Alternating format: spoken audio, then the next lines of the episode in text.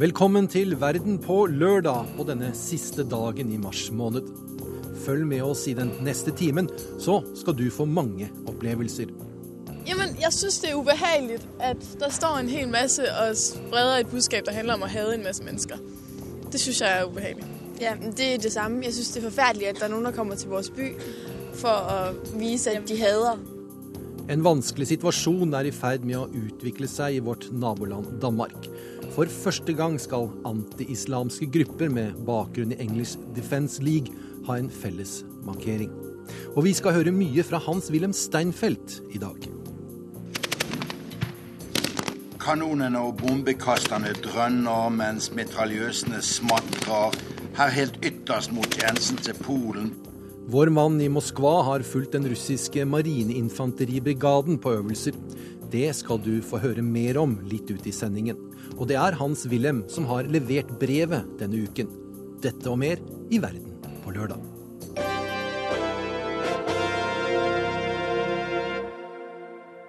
Og vi begynner denne sendingen i Danmark, for om få timer holder anti-islamske grupper med bakgrunn i English Defence League for første gang en åpen og felles markering. Det skjer i Århus, og der er vår reporter Øyvind Nyborg. Folk nyter vårsola i Mølleparken i hjertet av Århus.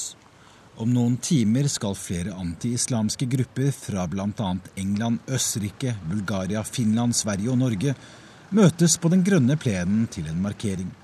Folk i parken synes ikke noe om det. Jeg syns, jeg syns faktisk virkelig det er uhyggelig, og jeg syns det er ubehagelig. Og jeg syns egentlig også det er rett ulekkert, faktisk. Hvorfor det? Jamen, jeg synes, det er ubehagelig at der står en hel masse og spreder et budskab, der handler om å hade en masse mennesker. Det synes jeg er ubehagelig. Ja, det er det samme. Jeg synes, det er forfærdeligt, at der er noen der kommer til vår by for å vise at de hader. Altså at de har had i seg. Jeg synes bare det er ulækkert. Jeg forstår jo ikke at der skal være en sånn Hvorfor ikke? Øh, jamen, fordi jeg synes, der skal være plads til alle. Dette skal være første gang Defence League møter åpent med flere av sine europeiske kolleger.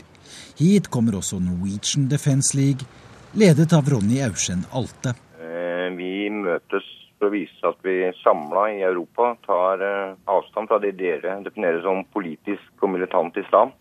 Altså det vi definerer som islam i det store og hele. Det er en markering for å vise at vi sammen står imot islam. Men bare få hundre meter unna, på byens rådhusplass, er det tillyst en motdemonstrasjon. Det er satt opp busser fra København med folk fra fagforeninger, antirasistiske organisasjoner, partier og grupper på venstrefløyen. Danske Per Jensen er arrangør. Jeg håper budskapet blir at vi i fellesskap kan presentere et mangfoldigt og fredeligt og tolerant Aarhus.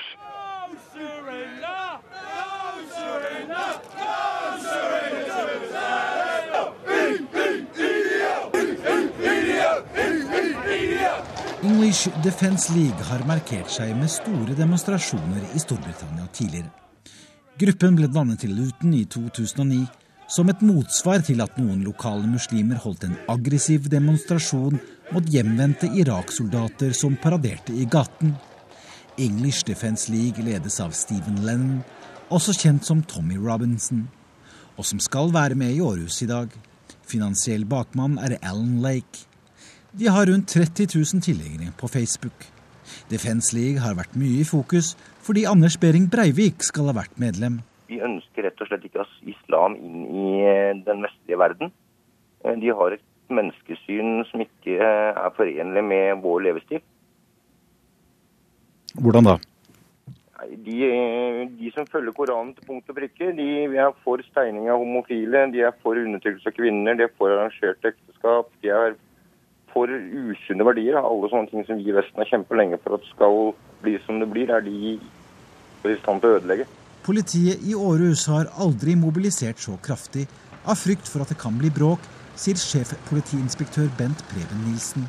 Vi vil være meget, meget synlige i gadebilledet. Der vil bli mer politi i Aarhus enn det noensinne har vært sett tidligere. og i første omgang vil vi jo fortsette dialogen med dem på dagen, og det vil si at vores nye eventpolitikonsept vil bli spillet på banen, og jeg tror vi har omkring 60 mann eventbetjente innsats til å, å, føre dialog og fasilitere begge demonstrasjoner, så de begge to kan forløpe på en fornuftig måte. Øyvind Nyborg, Aarhus.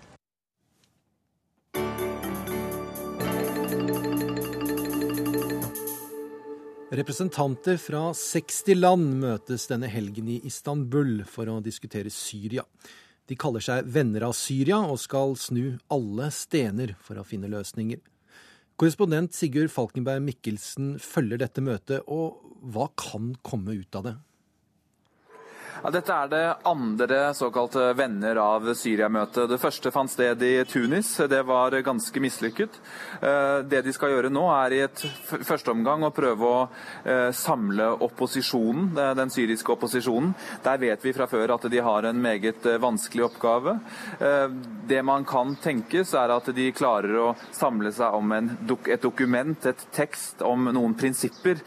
Men utover det så er det mange politiske uenigheter som det er vanskelig å Eh, tror jeg, å, å, løse i løpet av et eh, kort møte.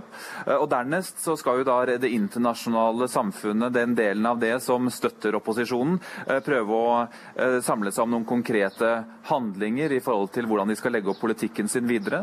Og Der er det også stridigheter om hva som er den beste måten å gå fram på.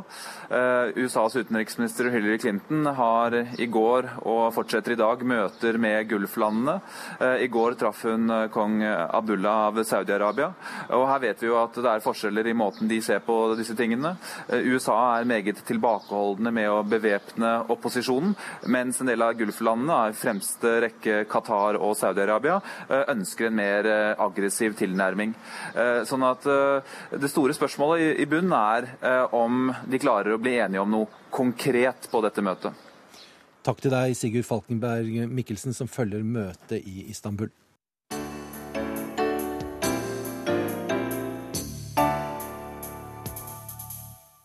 Nå om det spente forholdet mellom Iran og Israel. For eh, tidligere statsminister Kjell Magne Bondevik har eh, fanget opp nye signaler på en reise til Israel og de palestinske områdene. Bondevik har nettopp snakket med den israelske presidenten Shimon Peres. Og Bondevik, hva var det Peres var eh, opptatt av? Israelerne føler en trussel hvis Iran får utvikla ei atombombe. Og Peres sa at Iran er egentlig det eneste landet som truer oss. Og en meningsmåling viser at flertallet av israelerne oppfatter dette veldig reelt. Men eh, Peres er nok skeptisk til at Israel skal gå til angrep. Eh, sa at det bør ikke landet gjøre hvis ikke de har USA og Europa i ryggen. Eh, og ting tyder nå på at de som bestemmer, nemlig statsminister Netanyahu og forsvarsminister Barak, som for øvrig nå står hverandre veldig nær etter tidligere å ha vært konkurrenter, eh, i hvert fall har utsatt en beslutning om dette til eh, over dette året. Hvorfor tror du de har gjort det? Nei, Jeg tror det primært skyldes at ikke de har med seg USA, og Israel er ekstremt avhengig av å ha et godt forhold til verdens supermakt. Eh, det Peres eh, uttrykte en skuffelse over, er at ikke det internasjonale presset mot Iran for å stoppe atomvåpenprogrammet, som de tror er under utvikling, skuffelse over at det presset ikke er større. Og Da viste han særlig til at eh, Russland og Kina hindrer at det presset skal bli mer effektivt. For Peres er nok blant dem som ønsker at dette må en finne en fredelig løsning på. Hvordan kan eh, verdenssamfunnet støtte opp om eh, det synet Peres har? Det må settes inn både et eh, sterkere diplomatisk og politisk press mot Iran, slik at de må samarbeide bedre med det internasjonale atomenergibyrået og skjønne at de blir mer og mer isolert hvis ikke de gjør dette. Min oppfatning er jo at skulle Israel eller andre gå til et militært angrep mot atominstallasjoner i Iran, så kan det bli en ren katastrofe. Det kan bli en eksplosjon i hele regionen. Eh, for jeg tror ikke at Iran bare vil la det bli med at Israel angriper atominstallasjoner. De vil slå tilbake over et bredt spekter. Iran er en militær stormakt. Og noe slikt kan også styrke det ekstreme regimet i Iran og tilsvarende krefter i hele regionen. Da du snakket med Peres, ga han også uttrykk for det synet? Ja, eh, i hvert fall jeg tror han langt på vei deler oppfatningen av at en eh, militær uh, løsning her ikke finnes. Og at det har, kan ha store uheldige konsekvenser. Peres er jo som president eh, relativt forsiktig nå, fordi det er jo andre som bestemmer politikken. Men det er interessant å se at han etter å ha tapt veldig mange valg i Israel og blitt kalt taperen, nå faktisk er den mest populære politiker i Israel. Eh, 88 år gammel som han har blitt. Så det er tro på at den israelske befolkningen også på en måte støtter det samme synet som Peres har her? Ja, Det er ikke uten videre sikkert. Eh, det var tatt opp en måling mens jeg var der nede, som riktignok hadde en litt spesiell problemstilling, nemlig vil en foretrekke at Israel går til angrep mot Iran, eller vil en foretrekke at Iran kan bygge opp uh, atomvåpen. Og Da var det faktisk et flertall som sa at de ville foretrekke et angrep. Men uh, en, kan, en får jo ofte det svaret som ut fra hvordan spørsmålet er stilt. Gjør du noe aktivt eh, i denne problemstillingen? Nei, Oslo-senteret og meg, vi har ikke noe prosjekt der nede. Jeg var der denne gangen uh, meg privat og leda ei gruppe som reiste rundt og så på forsoningsprosjekter mellom israelere og palestinere. Men siden jeg kjenner flere av toppolitikerne både på palestinsk side og Israel, så fikk jeg møte både med president Peres og statsminister Fayyad hos palestinerne. Og Da er det naturlig å snakke om uh, disse spørsmålene og få et bedre innblikk i situasjonen. Takk til deg, Kjell Magne Bondevik. Så til en annen konflikt som skal være avsluttet, men som fortsatt merkes. For denne påsken er det 18 år siden folkemordet i Rwanda startet. Siden den gang har landet gjort svært mye for å reise seg, men samordningen i landet ser ut til å ha en pris. Rapporter tyder på at ytringsfriheten lider, og det skal være nærmest umulig å være journalist dersom man prøver seg på regimekritisk virksomhet. Well, I miss my family and uh, my colleagues. Even the weather. Jeg savner familien min, kollegaene mine og været, sier den 30 år gamle journalisten og redaktøren Nelson Gatsimbasi. Han sitter på toget ut til en av Stockholms forstader, der han sover på en madrass i stova hos en barnefamilie han kjenner. Gatsimbasi flykta fra Rwanda i fjor sommer. Der hadde han risikert fengselsstraff om han var blitt værende. Yeah, det pågår ei straffesak mot meg, og den er fremdeles uavklart. Brottsverket mitt var å så splid, forteller han. Is, uh, is And uh, when you are accused of divisionism, you are risking with more than five years in prison. Lovverket i Rwanda har laga uforutsigbare fallgruver for landets journalister. Paragrafene er vage, og det er nesten uråd å vite når en trakker inn i det ulovlige ved nettopp å så splid, ærekrenke eller verst av alt formidle såkalla folkemordsideologi. For sjøl om det nærmer seg 20 år siden, ligger folkemordet som et mørkt teppe bak det meste som foregår i Rwanda. Faren for ny vold er styresmaktene sitt fremste påskudd for å holde streng kontroll med media gjennom et altomfattende lovverk. Why don't you give a driving license to a 16 year old and you have to wait for them to be 18? Ambassadør Venezia Sebudandi sitter på et ryddig og romslig kontor i Stockholm og forklarer i bildet hvorfor det har vært nødsynt for Rwandas styresmakter å holde media så stramt i tøylene. Like, like Hvorfor gir en ikke førerkort til 16-åringer, men venter til de er 18?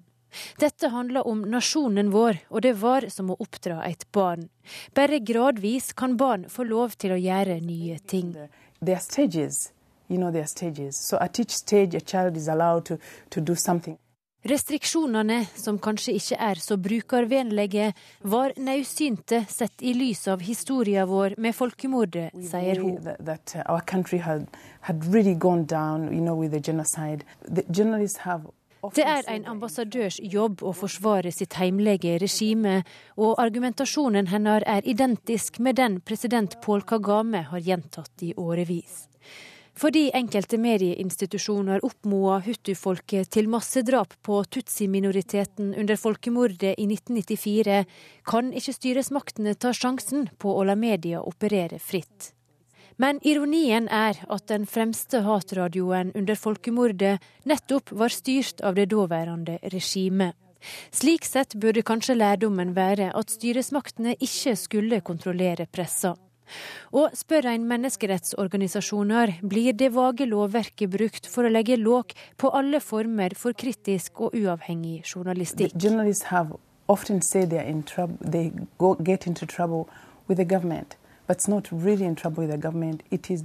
Journalistene kommer ikke på kant med styresmaktene, de kommer på kant med lova, er ambassadørens svar. Sjøl hevder Nelson at saka mot han ble fabrikkert for at han skulle stanse den regimekritiske publikasjonen sin. It was a fabricated case, of course, to find a reason so that they could arrest me. På det tidspunktet han forlot Rwanda, var han den eneste gjenværende avisredaktøren som forsøkte å holde ei uavhengig linje. De siste åra er så å si samtlige uavhengige aviser lagde ned. Journalister og redaktører er reist i eksil, og et par er også blitt drepne under uklare omstendigheter. Mange har stilt spørsmål ved styresmaktene si rolle, men regimet nekter for å ha vært innblanda i drapa. Well, um, these, as I said at the beginning, these stories are very highly exaggerated. Disse historiene er overdrevne, svarer ambassadøren, og antyder at journalistene som søker tilflukt i andre land, hevder de blir forfølgde bare for å få oppholdsløyve. He has to give a convincing reason. But journalists are being yes. jailed in Rwanda. But they are not. If you look at, at jails in Rwanda, they are not. They are not only journalists. These journalists are not jailed for because they are journalists. Journalister blir ikke fengsla fordi de er journalister, men fordi de bryter lova. If you're a driver, om du kjører bil og er skyld i ei ulykke, må du i fengsel.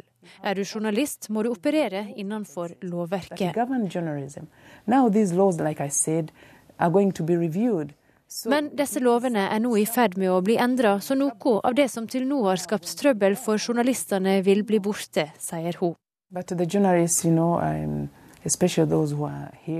Jeg kan forsikre journalistene som er her i Sverige om at ingen er etter dem. De må gjerne komme hjem til Rwanda og skrive hva de vil. Svenske styresmakter ser det annerledes og valgte i forrige uke å gi Nelson Gatsimbasi flyktningstatus og permanent oppholdsløyve. Og det var reporter Ragnhild Eikenes som hadde møtt Nelson Gatsimbasi og Rwandas ambassadør i Stockholm.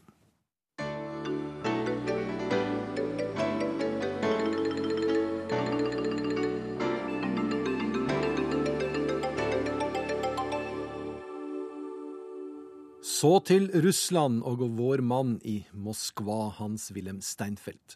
Han har prøvd seg som krigsreporter. Nesten. Han har besøkt den russiske versjonen av US Marines, og den brigaden kan nå Polen på et kvarter og Sverige på to timer.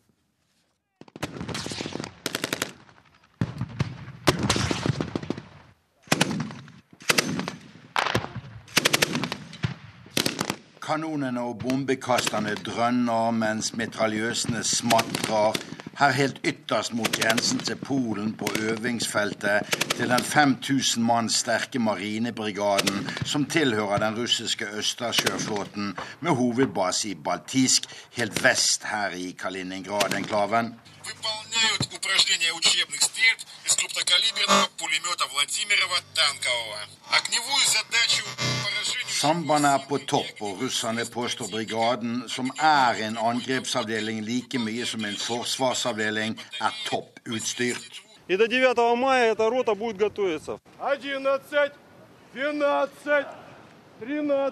Disse marineinfanteristene trener til seiersparaden den 9. mai i Kaliningrad, som gamle Königsberg nå heter. Men de tilsvarer US Marines og marineinfanteristene kan rekke Gdańsk i Polen sjøveien eller Greifswald i Tyskland på 15 minutter eller 25 minutter, men Sveriges viktigste orlogsbase i Karlskrona kan de ta på under to timer om bord i sine svære luftputefartøyer for ilandsetting. Вы находитесь на борту сторожевого корабля Ярослав Мудрый. На сегодняшний день это самый современный корабль в военно-морском флоте. Kommandørkaptein Sergej Sugrobov på fregatten Jaroslav Modry sier hans fartøy, som ble kommisjonert i 2009, er det mest moderne fartøyet av sin klasse i den russiske marinen. Når jeg spør ham om han er enig med den norske forsvarssjefen i at tilliten mellom militæret i øst og vest er på et helt annet nivå under den kalde krigen, svarer skipssjefen ubetinget ja.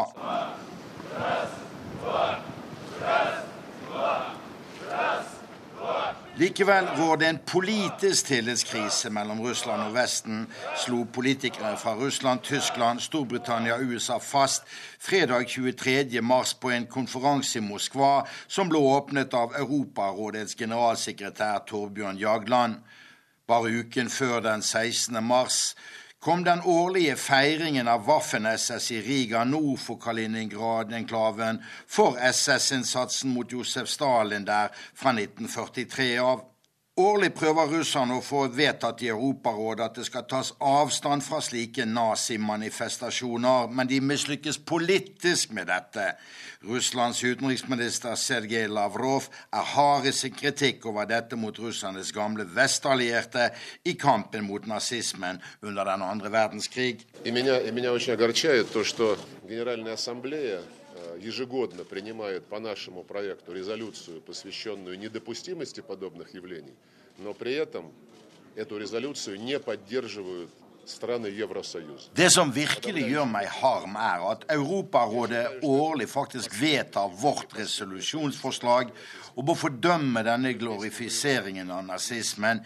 Men de fleste EU-statene stemmer ikke for dette, og jeg ser på dette som en skamplett for våre vestlige partnere. Vi slåss sammen mot nazismen. Nürnberg-tribunalet, som ikke er foreldet etter 1945, slo fast at SS-folk var krigsforbrytere, sier Russlands utenriksminister Sergej Lavrov med klar adresse til fransk og britisk taushet. Torbjørn Jagland, som sto ved siden av, la til på engelsk. I have uh, time and again warned against any kind of rewriting of history or uh, distortion of history. It's a very dangerous business, and I agree with Foreign Minister Lavrov that it goes against uh, the Nürnberg uh, verdicts. Så hvor ligger krisen i øst-vest-forholdet nå? Det kommer veldig mye fra fortiden. Uh, fortidens uh, kriger og konflikter på kontinentet, og, og selvfølgelig også på, når det gjelder militæret, så er det arsenaler av atomvåpen og konvensjonelle våpen på begge sider som fortsatt er uh, problemet. Skjønner russerne Vesten? Eh, ikke helt, men jeg tror ikke vi heller forstår Russland så veldig godt. Så det som er blitt understreket her, nemlig at vi må prøve å se, sette oss inn i den andre sidens eh, problemer og måte å tolke ting på, det er ganske viktig. Så her har du en rolle å spille? Absolutt, og det er derfor vi har denne paneuropeiske organisasjonen. Men i alle de europeiske institusjonene så har den kalde krigens mentalitet eh, overlevd eh, og er fortsatt ikke helt vekk. Så vi er i en bakrus etter den kalde krigen fremdeles? Absolutt, jeg tror det. Men det går sakte i riktig retning. Sa altså Europarådets generalsekretær Torbjørn Jagland mer enn 20 år etter at den kommunistiske supermakten Sovjetunionen ble nedlagt, selve kimen til den kalde krigen. Da er tonene til marineinfanteristenes band i Kaliningrad hyggeligere å lytte til.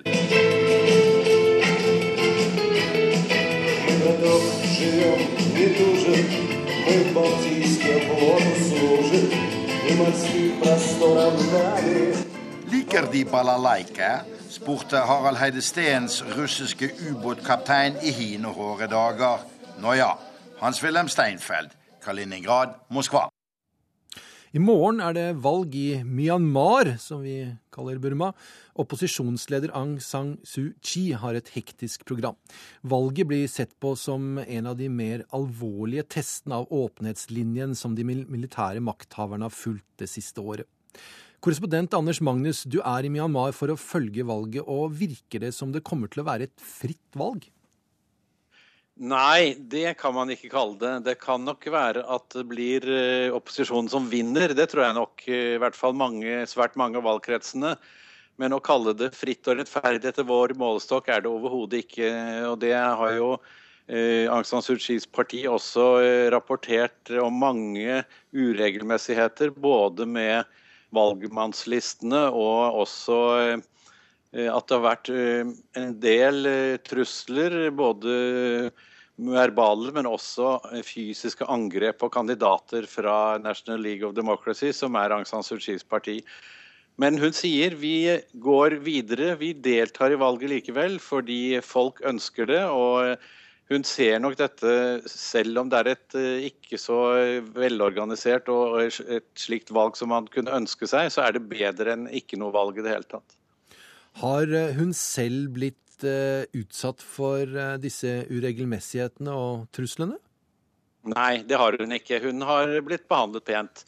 Det eneste problemet hennes er at hun har reist hele landet rundt og er nokså sliten. og Hun kollapset på det siste valgmøtet.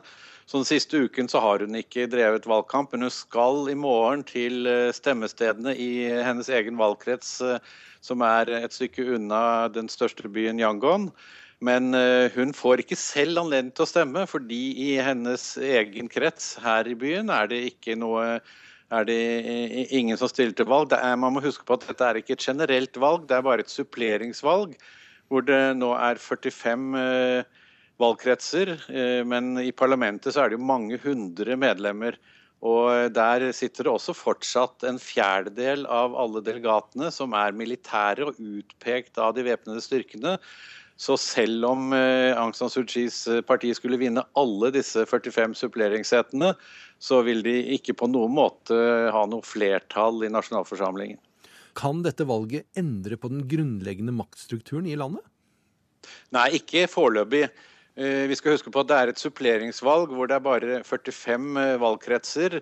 Eh, og det er mange hundre delegater i nasjonalforsamlingen. Så eh, skulle Aung San Suu Kyis parti vinne alle disse 45 kretsene, så vil de fortsatt være et minoritetsparti i nasjonalforsamlingen.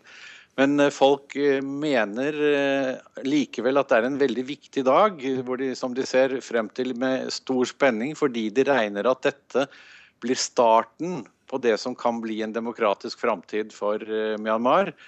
Og bare det å ha eh, Aung San Suu Kyi som parlamentsmedlem med sin stemme, sin autorative stemme i parlamentet, det vil bety veldig mye for, for folk flest.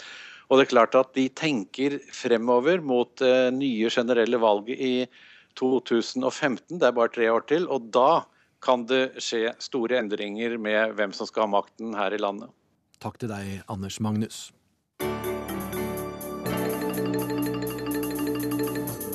Klokken er nå 11.31, og du lytter til Verden på lørdag. Følger du med oss videre, skal du snart høre nytt fra Afghanistan og det som virker som nye signaler fra Taliban. Og selvfølgelig brevet. Det åpner vi til slutt.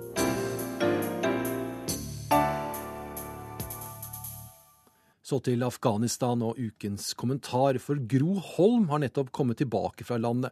Hun melder at afghanerne frykter kaos og ny borgerkrig når de internasjonale styrkene trekker seg ut.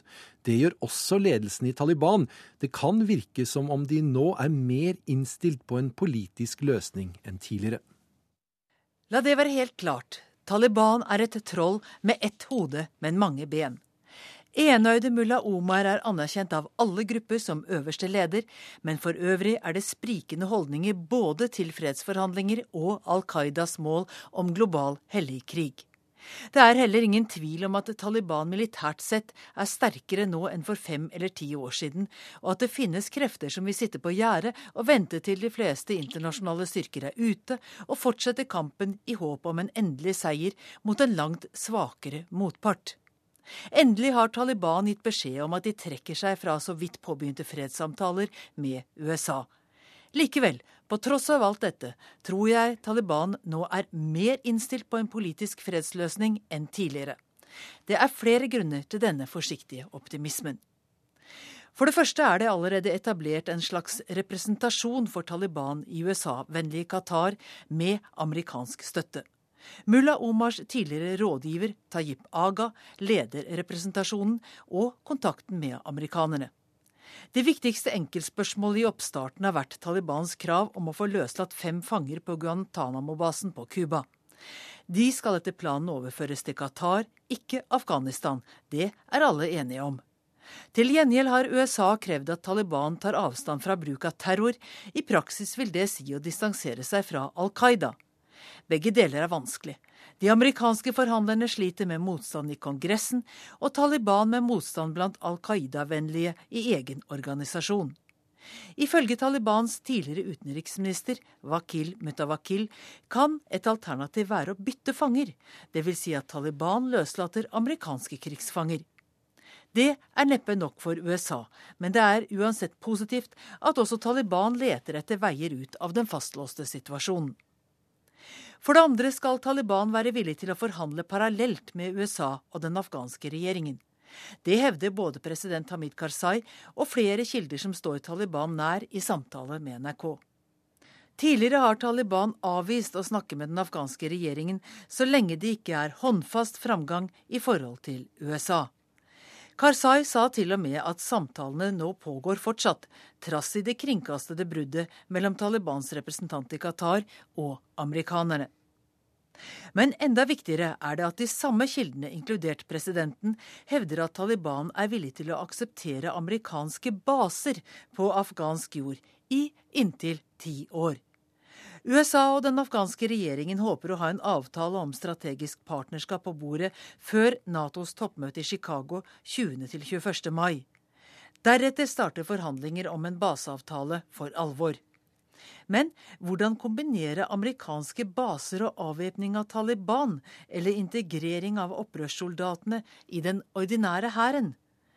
Vel, så lenge USA har soldater på afghansk jord, ønsker ikke Taliban å bli spist opp av Afghanistans nasjonale hær, ANA, sier en av mine kilder.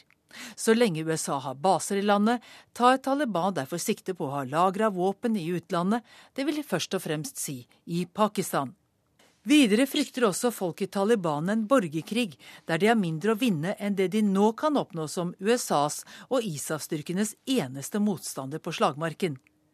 USA og Europa er sterkt svekket økonomisk og svært interessert i å avslutte krigen i Afghanistan. President Hamid Karzai går av i 2014, og også han er opptatt av å etterlate seg et land i relativ fred. Uten utenlandske kampstyrker og med en fersk og kanskje enda svakere president, er det ikke usannsynlig at den gamle Nordalliansen, basert på usbeker og tadsjiker, vil gjenoppstå i en eller annen variant. De frykter allerede nå en pashtunsk-dominert fred mellom pashtunske Taliban og landets pashtunske president. Så altså, for å foregripe et kaos der utfallet for Taliban vil være høyst usikkert, tyder mye på at de nå forsøker å spille på USAs behov for en relativt rask politisk løsning. Det skyldes heller ikke bare taktiske hensyn. Også blant hellige krigere har krigstrøttheten meldt seg. De tar livet av omtrent like mange vantro som før, men møter stadig tøffere motstand fra Afghanistans eget forsvar.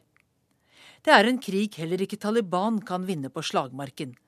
Og selv om mange afghanere hater de utenlandske styrkene, betyr det ikke at de ser på Taliban som frigjørere. Sjansen er stor for at også Taliban i framtida må delta i den særegne konkurransen som heter valg.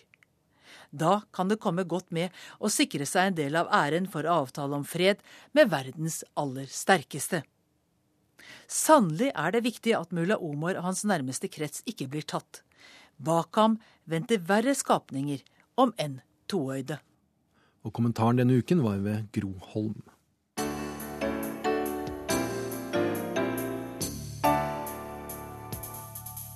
Så til Guatemala, for myndighetene i landet er maktesløse overfor narkokarteller som får stadig sterkere fotfeste i regionen. Nå vil presidenten i Guatemala få de andre latinamerikanske landene med på å diskutere legalisering av narkotika som et virkemiddel i kampen mot kartellene. Los uniformados continuaban buscando al criminal con todos los medios disponibles. På et kjøpesenter i Ciudad de Guatemala jager store politistyrker en narkotikamistenkt. I kryssilden blir flere sivile drept, blant dem en katolsk prest, ifølge dette innslaget fra TV-kanalen Univision fra noen år tilbake. Slike operasjoner kan det bli slutt på i framtida. For regjeringen i Guatemala ønsker nå å se på om legalisering av narkotika kan være en bedre måte å bekjempe problemet på. Vi må finne alternativer, sier Guatemalas ambassadør til Norge, Juan Leon. Han mener måten myndighetene bekjemper narkotikakriminalitet på i dag, ikke virker. La Policía Nacional y la, el ejército en Guatemala es superado por las armas de los narcotraficantes. Politiet og hæren er sjanseløse mot narkotikasmuglerne, sier Leon. Derfor prøver Guatemalas president Otto Perez Molina å gå andre veier. Under et sentralamerikansk toppmøte forrige helg ville Perez Molina diskutere avkriminalisering av narkotika som en av metodene for å bekjempe det stadig økende problemet i regionen. Men så langt har han ikke lykkes, mener førsteamanuensis i statsvitenskap og leder av Norsk nettverk for latinamerikaforskning, Benedicte Bull.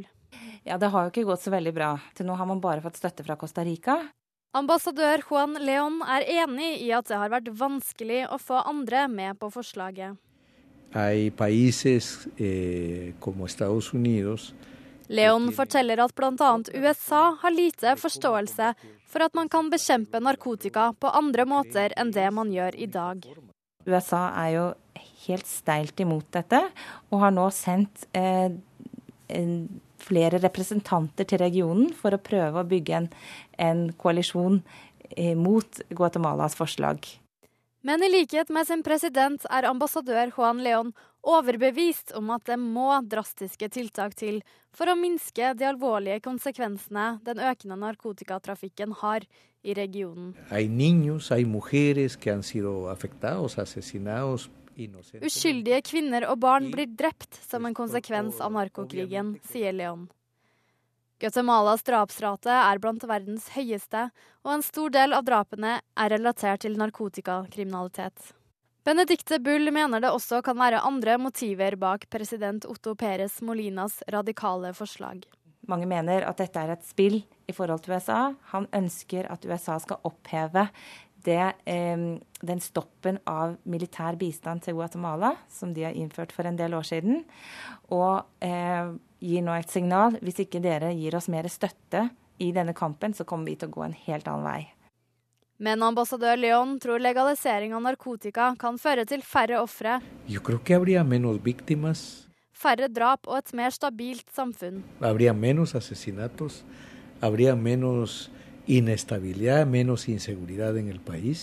Benedicte Bull er enig i at avkriminalisering av narkotika kan ha positive konsekvenser.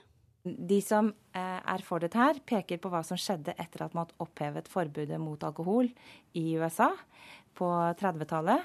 Det gjorde at mange av de store, sterke mafiaorganisasjonene gikk i oppløsning det man håper vil skje, er at ved å ta bort den viktigste inntektskilden til de store kriminelle organisasjonene, ikke den eneste, men den viktigste, eh, så vil de miste veldig mye makt. Og de organisasjonene vil også få mye mindre legitimitet i lokalbefolkningene. Og så har man selvfølgelig også det at staten da kunne skattlegge og faktisk få noen inntekter av dette her.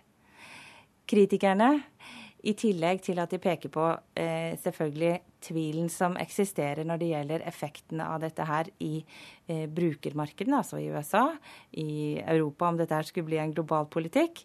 Eh, peker på at eh, dette her er veldig svake stater. De har ikke kapasitet til å skattlegge eh, den type virksomhet uansett. Og det viktigste er å, å sikre en forbedring av rettssystem og politi. Men Benedicte Bull mener likevel tiden kan være moden for å tenke nytt i narkotikapolitikken i Latin-Amerika. Det er en ganske sterk bevegelse i folkeopinionen, fordi man ser at eh, det er Latin-Amerika som betaler med, med liv og, og sikkerhet pga. Eh, etterspørselen i et marked som er langt borte. Det er nok ikke veldig sannsynlig at det skjer noe de første årene, men at det kan komme en endring, det tror jeg.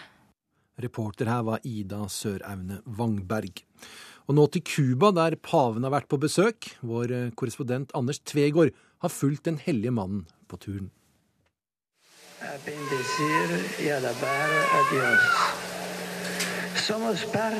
I en leilighet i Havanna er såpeseriene byttet ut med direkteoverføring fra pavebesøket.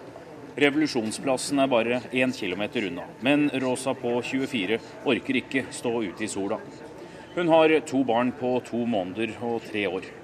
Ektemannen hennes følger også med på fjernsynsoverføringen.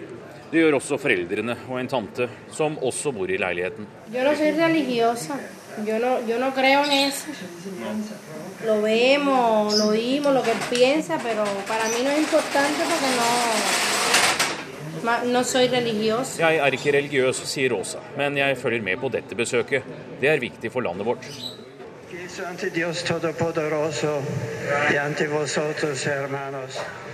Det har vært knyttet forventninger til pave Benedikts besøk, men eh, ikke hos Rosa. A lo mejor en la religión, pero en los cambios en el país Det er bra for religionen, men det kommer ikke til å endre noe i landet vårt, gjentar hun. Kommunistpartiet vil ikke ha konkurrenter, og det er ikke politiske endringer vi trenger først og fremst, men bedre økonomi. Det var veldig spesielt å få delta på det. Eh, Man følte at man var med på noe viktig for dette landet, i hvert fall. Sier Jon Petter Oppdal, som satt på en av de første radene da paven talte på revolusjonsplassen her i Havanna. Paven kritiserte Cubas mangel på åpenhet og politiske system før han ankom Cuba, men under messen var det vanskelig å høre noe av kritikken, selv for Norges ambassadør. Ja, jeg syns det, det, det var veldig mild, hvis vi kan heller kalle det kritikk. Min analyse av det var vel fraværende så godt som. De snakket om religionsfrihet, eh, og Cuba har religionsfrihet, så det er ikke et problem. Da vil jeg tro at de vanskelige spørsmålene har de snakket om seg imellom. For ikke å behøve å måtte ta den type ting i full offentlighet, eh, som eh, ingen av partene vil være kjent med. Hadde du forventet at paven ville ha kommet med kraftigere eh, utsagn om f.eks. åpenhet eller rettferdighet her på Cuba? Nei, ikke i det hele tatt. Kirken her på Cuba har hatt en forholdsvis vanskelig eh, situasjon. Eh, og det de tenker nå, også med dette besøket, er langsiktig. Langsiktighet er det viktigste. Det å, å nå benytte besøket til å kunne kanskje få utvide handlingsrommet, som er noe begrenset. Og for å få det til, så er de helt eh, avhengig av å ikke, ikke gå i noen clinch med, med myndighetene. cercano appunto di servire nel modo Den katolske kirken ønsker å få drive med undervisning igjen på Cuba, få tilbake annekterte kirkebygg og få tilgang til media. Pavens besøk kan endre på det. President Raúl Castro håper besøket kan gi det isolerte landet mer politisk legitimitet, også blant eksilcubanere. Norges ambassadør Jon Petter Oppdal tror kirken kommer til å spille en sentral rolle framover her på Cuba. Det var jo kirken myndighetene henvendte seg til når det gjaldt å øh, forhandle om løslatelse av politiske fangene. Det ble jo gjennomført, og det lyktes jo med det. Og det var helt utenkelig for Cuba å spørre andre lands myndigheter eller organisasjoner, institusjoner som er ikke-cubanske, om å bistå.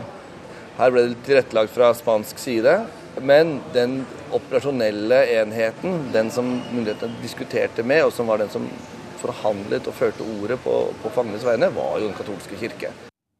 Og vi holder oss i denne delen, den delen av verden, for Argentina får stadig bredere støtte i sin kamp for råderetten over de britiske Falklandsøyene. Seks tidligere nobelprisvinnere går nå ut og ber britene sette seg ved forhandlingsbordet med argentinerne. På mandag er det nøyaktig 30 år siden Argentina invaderte øygruppen og Falklandskrigen startet.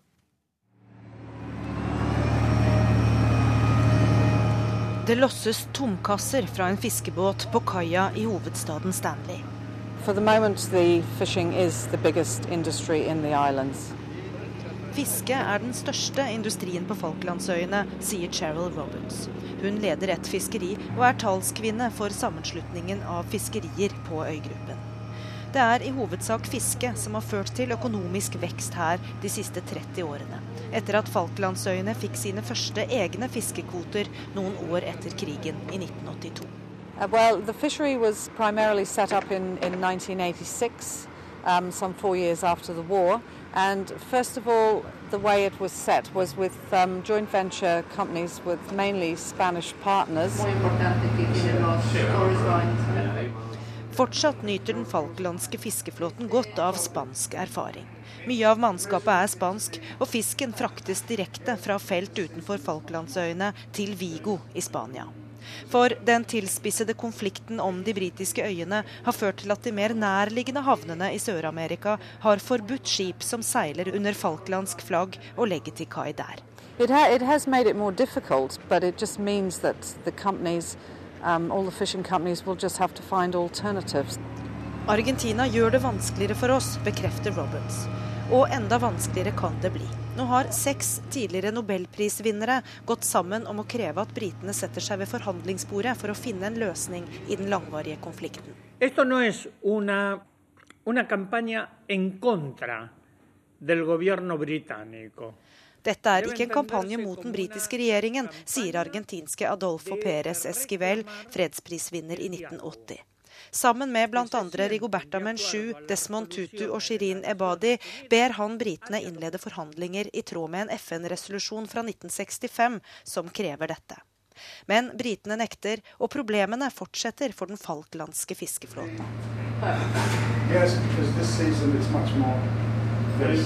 Mens inspektører undersøker Cheryl Roberts fiskebåt mens den ligger til kai, uttrykker kapteinen bekymring for at NRK er til stede. What, what he was saying, the captain, is that he. Uh, Argentina knows what vessels are here anyway. Regardless, but he said he would prefer if the, his vessel name wasn't showing on. Han ønsker ikke at båten skal identifiseres. Det kan bety mer trøbbel med argentinske myndigheter. Oh, the fishery's been the, been the, the backbone of the, the Falklands for years, but now, now the oil's taken off, I guess. Hittil har det vært fiske, men nå tar også oljeindustrien av, sier havnearbeider Neil Mackay. Forventningene er enorme til at oljefunnene skal være tilstrekkelig store til at det blir utvinning. I løpet av de 30 årene som er gått siden krigen, har befolkningen på Falklandsøyene nærmest doblet seg, til de 3000 som bor der i dag. Levestandarden har gått opp med den økonomiske veksten fisket har brakt med seg. Men nå er det håp om at oljen skal føre til ytterligere velstand. Det er de som tror at inntektsskatten skal fjernes fullstendig, at øygruppen ikke bare skal være selvdreven økonomisk, som i dag, men at den også skal betale for den enorme militære tilstedeværelsen av britiske soldater på øygruppen. Så høy er aktiviteten i havet utenfor Falklandsøyene nå at havna, som var bygd for to år siden, allerede er blitt for liten. Uh, I guess the dock is too small. When the, with the um, all the activity in this last month has been too small, but it, it'll get better. Det blir nok bedre, sier havnearbeider Mackay. For det er få som tenker negativt på Falklandsøyene. Her er det optimismen som råder. Og også fiskerienes Cheryl Roberts tror på videre vekst. Hopefully we will continue um, to grow and prosper and uh, we will of course remain British. And How will you see- solve the conflict with the Argentinians? Um, perhaps it won't be solved. Perhaps it'll just continue as a war of words and a, and a difference of opinion between, between nations. Og det var eh, korrespondent Gry Blekastad Almås som hadde vært på Falklandsøyene.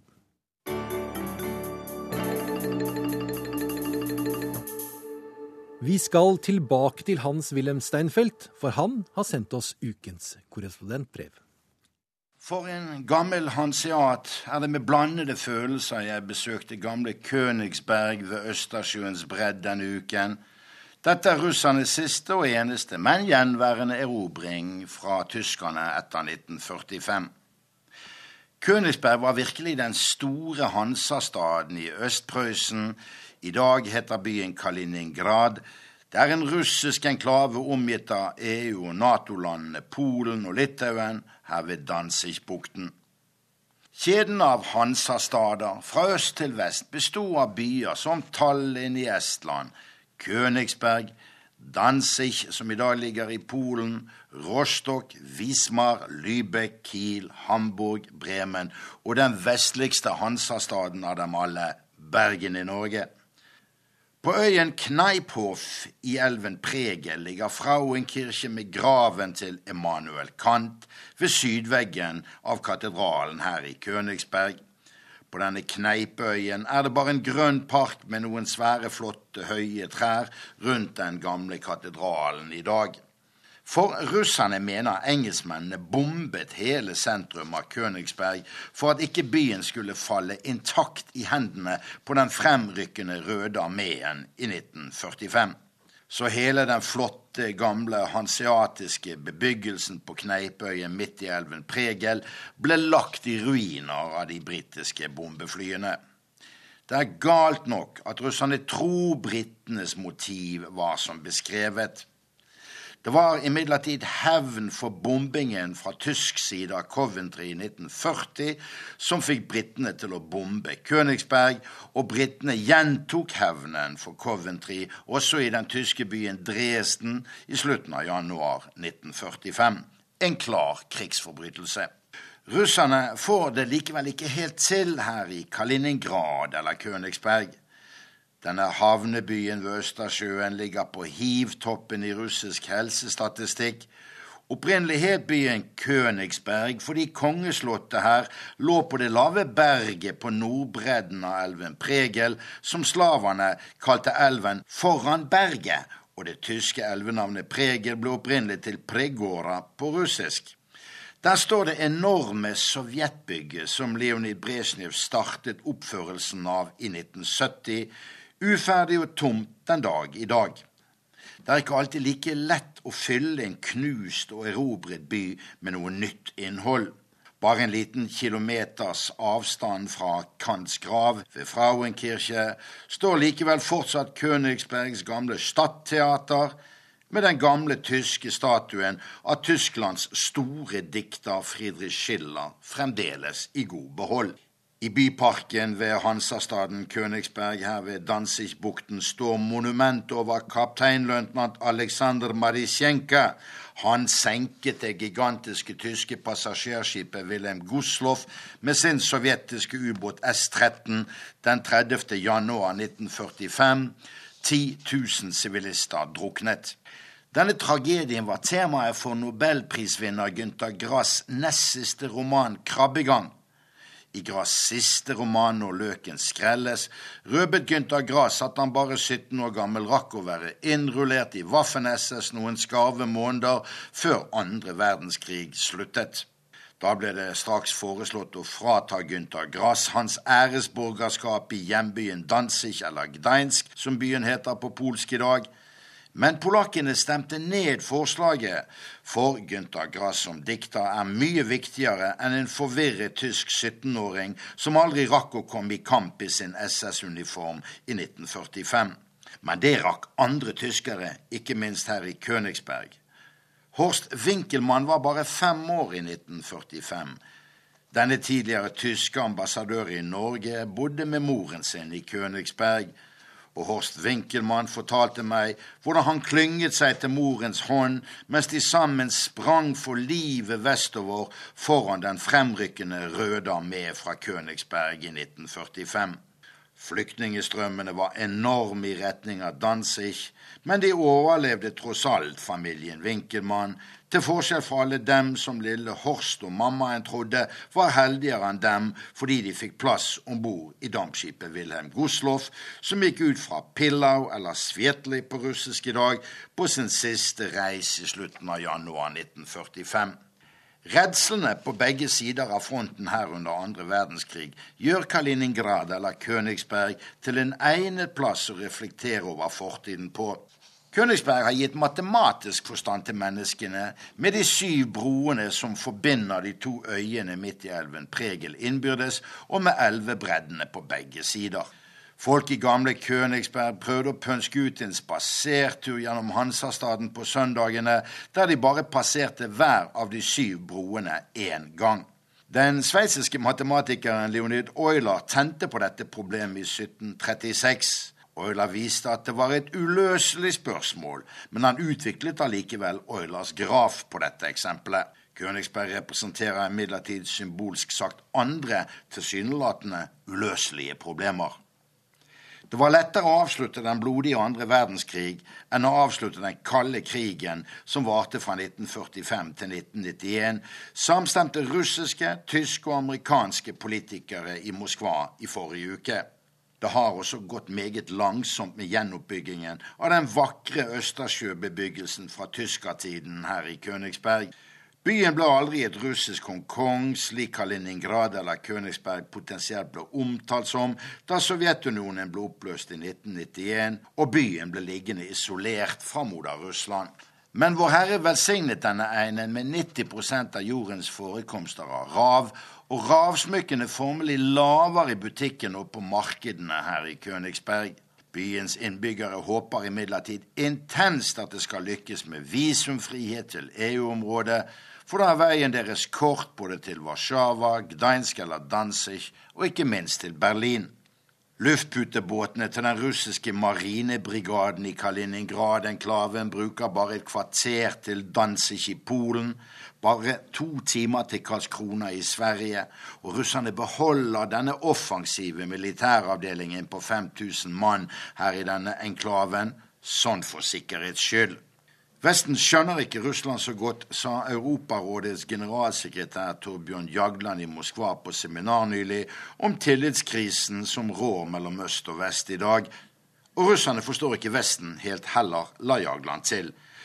Nei, gud bedre, når Waffen-SS ble hyllet nord for Königsberg, nemlig i Latvias hovedstad Riga den 16. mars, og med støtte fra Latvias president, så bør nok noen snart stille spørsmålet i vest om det er så rart at russerne ble rasende, med 30 millioner drepte som følge av Tysklands angrep på Sovjetunionen under andre verdenskrig. Så det er mange spøkelser her i Königsberg. Kanskje var det derfor det ikke lyktes russerne å oppføre sitt svære sovjetbygg i byen, som ble påbegynt for 42 år siden. Nye Königsberg slott, på åstedet for det gamle østprøyssiske kongeslottet, og med utsikt over graven til en av verdens største tenkere, Emanuel Kant. Hans-Wilhelm Steinfeld, Kaliningrad. Verden på lørdag er over. Vi høres snart igjen. Teknisk ansvarlig Lisbeth Sellereite. Skript Kristine Konstanse Brend Nørum. Og i studio Halvard Sandberg.